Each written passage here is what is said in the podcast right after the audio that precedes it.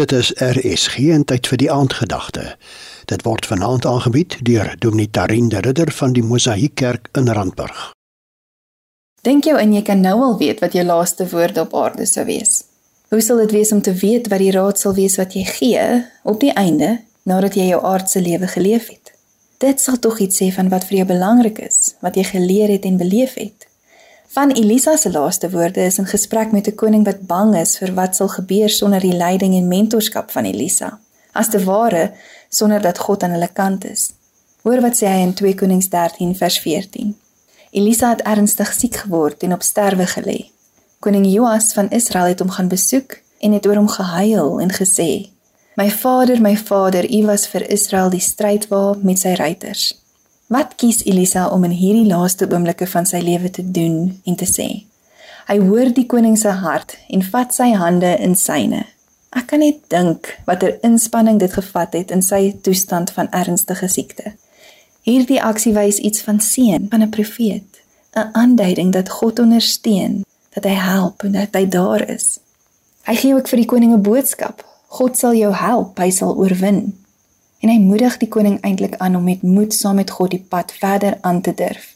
Slaan jou pile op die grond. Dit is onwaarskynlik dat dit magiese bewegings was of 'n spesiale resep was om te laat gebeur wat Elisa reeds gesê het sal gebeur. Ek dink my in dit is soos die drome met 'n oorlogskreet. Ons sal, ons kan, ons gaan oorwin. Maar die koning is halfhartig in die beweging, dalk oorweldig met vrees of hartseer of onsekerheid. En in sy aksies is dit duidelik dat vir wat ook al 'n rede, hy nie volledig oortuig of vasbeslote is nie. Dit maak Elisa kwaad. amper asof hy wil sê, "Kom nou, vertrou, gaan saam, staan op. Glo jy kan en jy sal saam met God." Vir Elisa is hierdie tipe woorde woorde wat saak maak. Soveel sodat hy sy laaste asem daarop spandeer. Nou wonder ek, kan ons nou al hierdie tipe woorde hoor en hierdie tipe woorde sê sy laaste woorde as raad vir my en jou nou. God seën ons. Ons kan leef met sy goedheid, ondersteuning en hulp. Dikwels ervaar ons dit deur mekaar. Deurdat iemand spreekwoordelik of letterlik my hande in hare vat. Kan ons vir mekaar herinner aan hoe God daar is deur hoe ons praat, opdaag en mekaar ondersteun. Kan ons vir mekaar boodskappe van God se triomferende liefde en genesende teenwoordigheid gee sonder om presies te weet wat kom, maar oortuig daarvan dat wat ook al kom, God nie omkant gevang sal word nie. Kan ons mekaar aanmoedig om die pad saam met God aan te durf, al sou daar groot verliese en onverwagse struikelblokke wees. Kan ons raak sien wanneer die persoon langs my sukkel om voluit oor te gee en vasbeslote op te staan saam met God en genoeg van 'n saak hê om om te gee.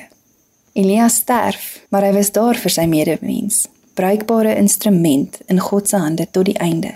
Om die waarheid te sê, selfs in sy graf gebeur 'n wonderwerk. Vers 21. Hulle die man se lijk in Elisa se graf gegooi. Toe die lijk aan Elisa se bene raak, het die man lewend geword en regop gestaan.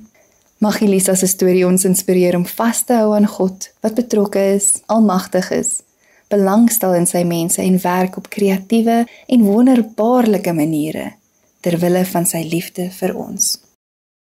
Jy het geluister na die aandgedagte hier op RSG, aangebied deur Dominee Tarin de Ridder van Mosaïek Kerk, Randburg.